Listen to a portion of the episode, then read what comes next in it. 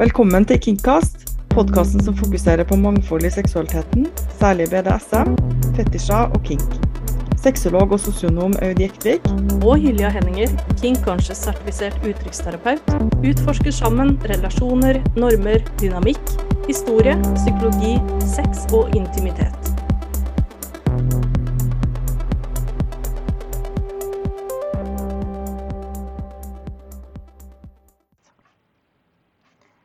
Hei og velkommen til Kingcast. I dag så er jeg Aud eh, for meg sjøl, og jeg hadde lyst til å snakke om dårlige grunner til å drive med BDSM. Det høres kanskje ut som et litt sånn trist og unødvendig tema på en eh, sexpositiv eh, podkast, men dette innlegget er basert på en tekst som heter 'Wrong Reasons to Do SM' av Midori, som er en veldig kjent japansk-amerikansk domina. Det kan være noe å ta med seg for alle sammen i det her, men særlig kanskje for de som er nye. Håper å skape litt debatt. For man kan jo lure på om det er bare positivt at BDSM er så mye mer synlig. Jeg hører jo når jeg er ute og snakker om seksualitet, særlig med yngre mennesker, at eh, BDSM noen ganger blir oppfatta som en ting man må ha gjort. Må ha prøvd, må ha testa ut. Og sånn er det jo ikke. Det er jo absolutt kjempepositivt og kult og gøy for de av oss som liker det, og får sjansen til å prøve det. Ikke alle får sjansen til å prøve det heller. Men det er jo ikke noe man må huke på ei liste over seksuelle prestasjoner. Sex skal jo heller ikke handle om prestasjon, men om hva som føles godt, hva man sammen har lyst til å gjøre. Kanskje har vi gjort en for god jobb som BDSM-ambassadører når alle tenker at det er noe man må ha gjort, eller som alle andre har prøvd. Det er kjempefint at det har vært fokus på orgasme, på estetikken med lakklær eh, eller rosa bondageutstyr. At det er litt tabu og forbudt, at det er mystisk, at det er tilfredsstillende. Kanskje litt magisk. Alle de idealene vi har om likeverd og samtykke og respekt. At det er fest og moro. Det er kjempebra. Men vi burde kanskje snakke litt mer om de tingene som kan være litt utfordrende. For at folk skal kunne unngå å få negative opplevelser, og også at de som har hatt det, skal møte forståelse istedenfor ja, men sånn er det ikke i BDSM-miljøet. Vi kan alt, vi er gode på alt. Viktig å snakke om de gråsonene i samtykke, hvor komplisert samtaler om samtykke kan være. De kan være veldig enkle, men de kan også være vanskelige informasjon som ikke kun fokuserer på det positive, men som er veldig balansert. Kunnskap om alt fra sikkerhet til grensesetting, stoppord. Altså det er nesten hverdagen. Ikke alltid så spennende, den heller. Om utfordringer med å finne en partner, om møtet mellom fantasi og realitet osv. Jeg tror at det ville ha vært kjempebra å få ut mer informasjon om. Nå har vi kanskje kommet et godt stykke på vei med folkeopplysning om hvor bra BDSM kan være. Det skal vi fortsette med, absolutt. Men vi kan også snakke litt om nyansene i det. Det tenker jeg at det er rom for nå. Det er også et viktig forebyggende arbeid for at ikke feil folk skal bli tiltrukket av eller inkludert i BNSM-miljøet. Det er å snakke om de litt mer utfordrende sidene. I teksten til Midori så har hun lista opp en del kategorier over eh, feil grunner til å drive med BDSM. Og den første av dem er at hvis du er ødelagt, så vil ikke BDSM reparere deg. Og det er en sannhet med modifikasjoner, fordi at både jeg og Hylja er sikre på å kjenne folk som har brukt BDSM for å få litt bedre psykisk helse, for å føle seg tryggere, for at det er tydelig kommunikasjon, for å mm, komme seg gjennom vanskelige opplevelser osv. Og, og det er ikke dem vi snakker til. Dem vi snakker til, er de som tror at BDSM er en quick fix, eller at en hvilken som helst dominant skal være, ta det enorme ansvaret det er, og på en måte gjøre noen friske eller gjøre noen bedre. For det er det ikke rimelig å forvente av en gjennomsnittlig partner. Det er også noe med at det må man samtykke til hvis man har tenkt å bruke det i en sånn type sammenheng. For det er et stort ansvar å gi noen. Det å tenke at BDSM skal hjelpe mot impotens eller mot tilknytningsproblem, at man skal slutte å være utro hvis man bare begynner med BDSM, det er det som regel ikke noe hold i. Da må man heller jobbe med det som faktisk er utfordringa, istedenfor å prøve å lære seg nye ting eller begynne å ha sex på en ny måte og tenke at det skal gå over pga. det. Og Det kan f.eks. en god sexolog hjelpe til med. Så kan man også begynne med BDSM, men ikke fordi man skal fikse noe, men gjerne da fordi at det er gøy i seg sjøl. Fordi at det er givende. Punkt nummer to er din dominante kan spille din mamma eller pappa, men du er fremdeles et voksen med voksne ansvar. Det er også en dårlig grunn til å drive med BDSM, vil jeg si. At man tenker at det er en total ansvarsfraskrivelse. Da skal man på en måte kun bare slutt å tenke, da. Ja, i øyeblikk, i sessions, så kan man kanskje til en viss grad slappe av og slutte å tenke. Fordi man har en, en samtykkende maktforskyving der man har overgitt seg, i hvert fall overgitt mye av ansvaret til noen andre. Men det er jo ikke sånn at man ikke må betale regningene sine, eller for de av oss som har jobb, gå på jobb, osv. BDSM bør ikke være en først og fremst virkelighetsflukt for å unngå seg sjøl eller unngå livet sitt. Ja, man kan ta en liten pause, men det betyr ikke at nei, nå trenger, trenger jeg aldri å ta ansvar igjen. Punkt nummer tre er Dårlige sosiale ferdigheter kan ikke skjules som dominans. Nei, det kan de ikke. For noen så er BDSM en slags en måte å takle at man syns det er vanskelig å kommunisere på. At man liker at det virker litt rigid, i alle fall, i alle fall fra utsida. At det virker veldig tydelig. Det virker veldig enkelt.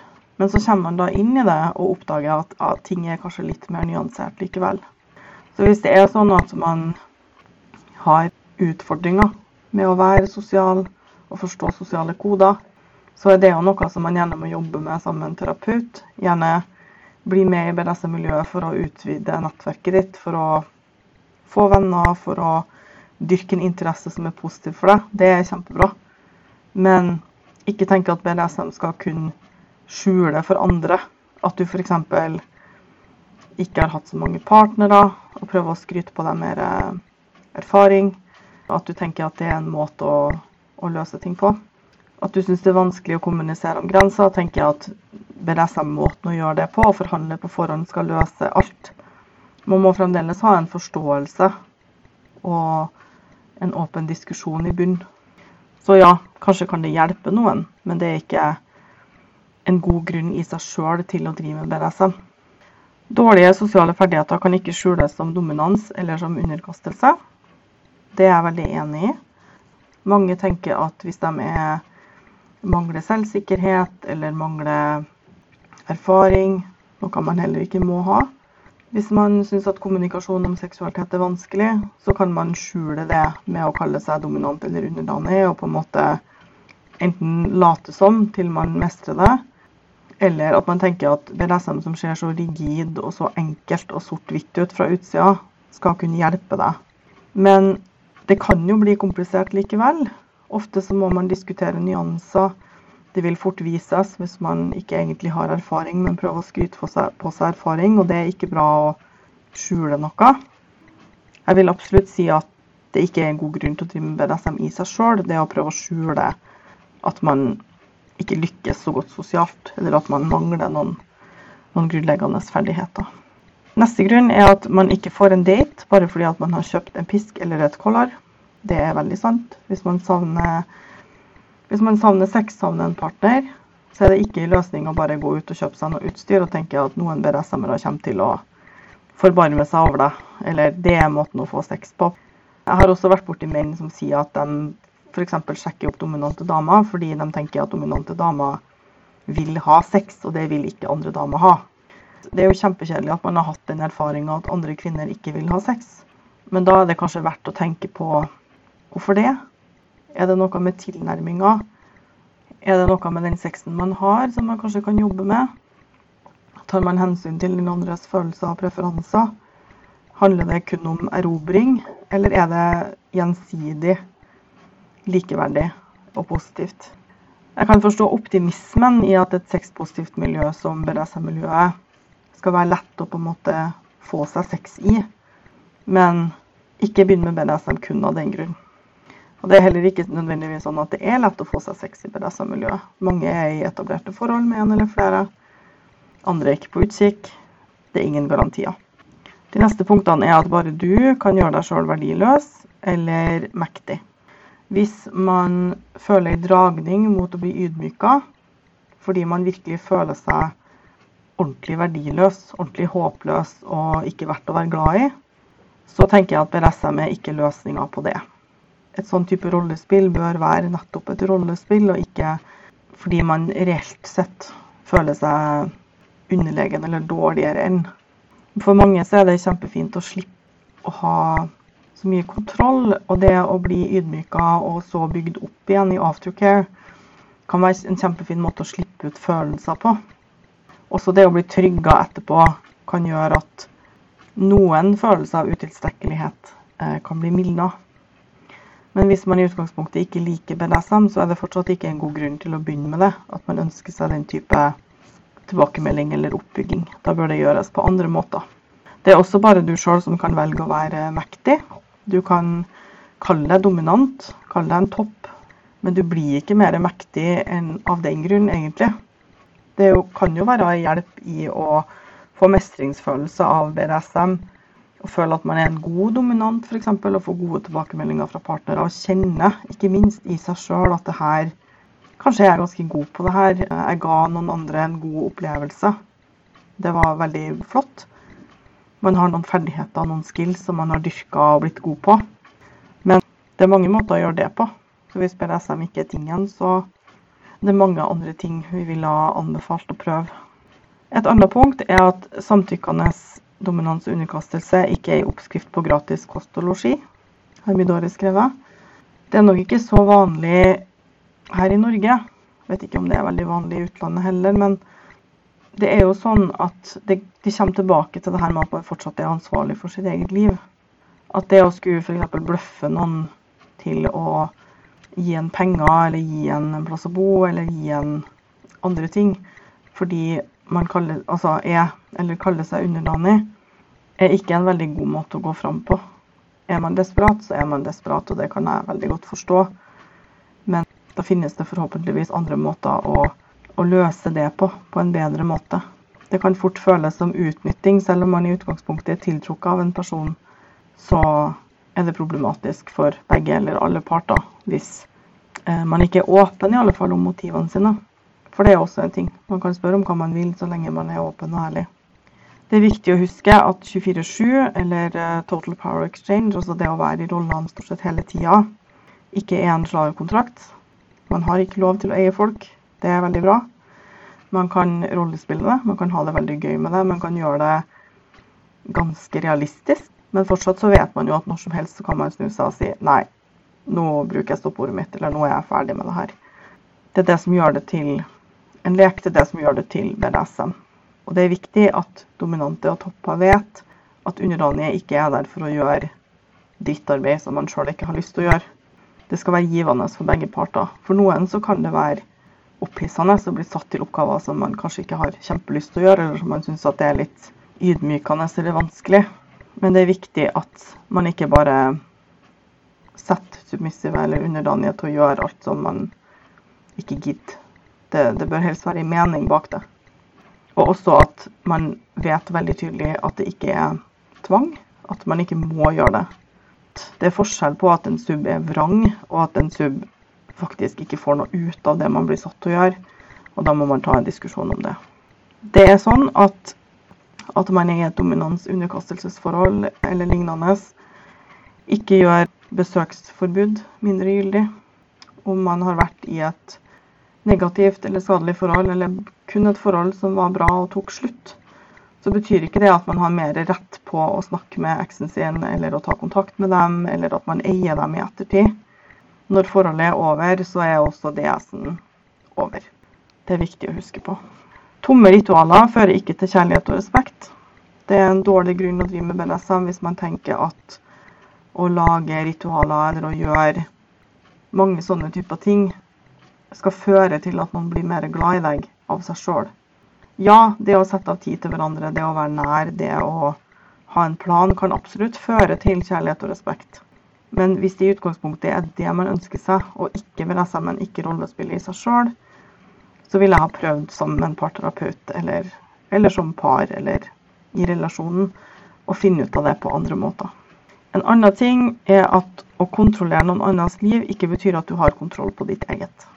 Jeg ser ofte utsagn i BDSM-forum og sånn om at dominante må ha full kontroll på sitt eget liv. Jeg kan forstå hvor det kommer fra. Det finnes nok mennesker som har prøvd å gi inntrykk av å være perfekt, eller uh, i hvert fall mye, mye, bedre, eller å mestre mye mer enn man egentlig gjør. Og det er veldig kjedelig. For når det da dukker opp, så kan man miste litt respekt, både pga. løgnen og fordi at man har ja, prøvd å gi inntrykk av å være noe man ikke er. Men man må jo ikke ha full kontroll på sitt eget liv for å være dominant, mener jeg. Så lenge man er tydelig på hva man kan og ikke kan. Hva man har og ikke har kontroll på. Det er jo ikke naturlig å diskutere f.eks. om man syns at man gjør det dårlig på jobben sin, om man har utfordringer i personlig økonomi eller sånn på engangsopplegg. Men skal man inngå en langvarig relasjon, så tenker jeg at det kan være viktig å vite hvordan er det personlige livet til denne personen. Og vite at du kan velge å ha noen som, som dominant eller som den aktive part, selv om de ikke har full kontroll sjøl. Du kan likevel Du kan respektere det. Det er ikke noe likevel engang. Det er veldig få som har full kontroll på livet sitt. Og at det å være dominant bør ikke innbille en at ja, men nå er alt på stell. Nå kan jeg overse andre problemer i livet mitt fordi at jeg, det er noen som ser opp til meg og som følger det jeg sier. Så det må jo bety at, at alt mitt er greit. Det er veldig viktig å huske at samtykke gis fra øyeblikk til øyeblikk og ikke er evigvarende.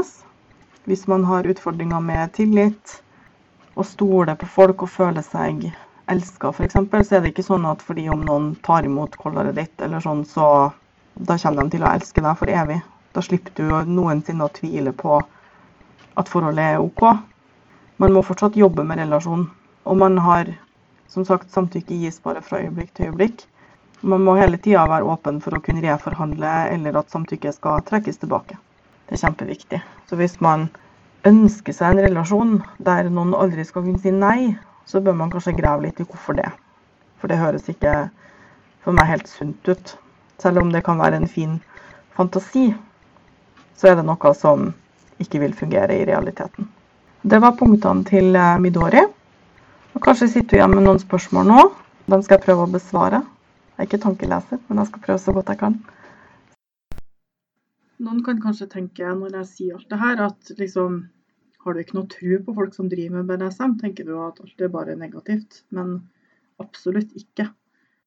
SM jo, skal jo være oppbyggende og positivt for de av oss som driver med det. Men de, de jeg snakker til i denne episoden her, er den dominante som bruker Total Power Exchange eller 24-7 som unnskyldning for å ikke la subben ha kontakt med familie eller venner. Som har en usunn kontroll, ikke en kontroll som er basert på frivillig overgivelse og positivt og oppbyggende, men som egentlig gjør psykisk mishandling og kaller det BDSM, eller som er så usikker på at andre kommer til å bli i en relasjon, at man gjør ting som man absolutt ikke burde gjøre for å beholde dem der. Vi snakker om den som egentlig ikke liker noe av BDSM-aktiviteter, men som godtar det meste for å få trøst og aftercare etterpå. De som er utsulta på bekreftelse og kroppskontakt og sånne ting, og som finner seg i f.eks. smertepåføring eller andre ting som de ikke liker, for å føle seg rolig etterpå, selv om ja, det ikke vil bli oppbyggende på samme måte. da. Vi snakker om den passiv-aggressive subben som får noen til å toppe dem, selv om de egentlig ikke har lyst. De som har et sterkt behov for å bli kommandert eller dominert, og som hvis de ikke får det som de vil, manipulerer folk til å bli sint eller sånn. Så at de føler at de likevel får et slags fnugg av, av det de vil ha. Men det er jo ikke samtykkende BDSM, og topper og dominante har også grenser.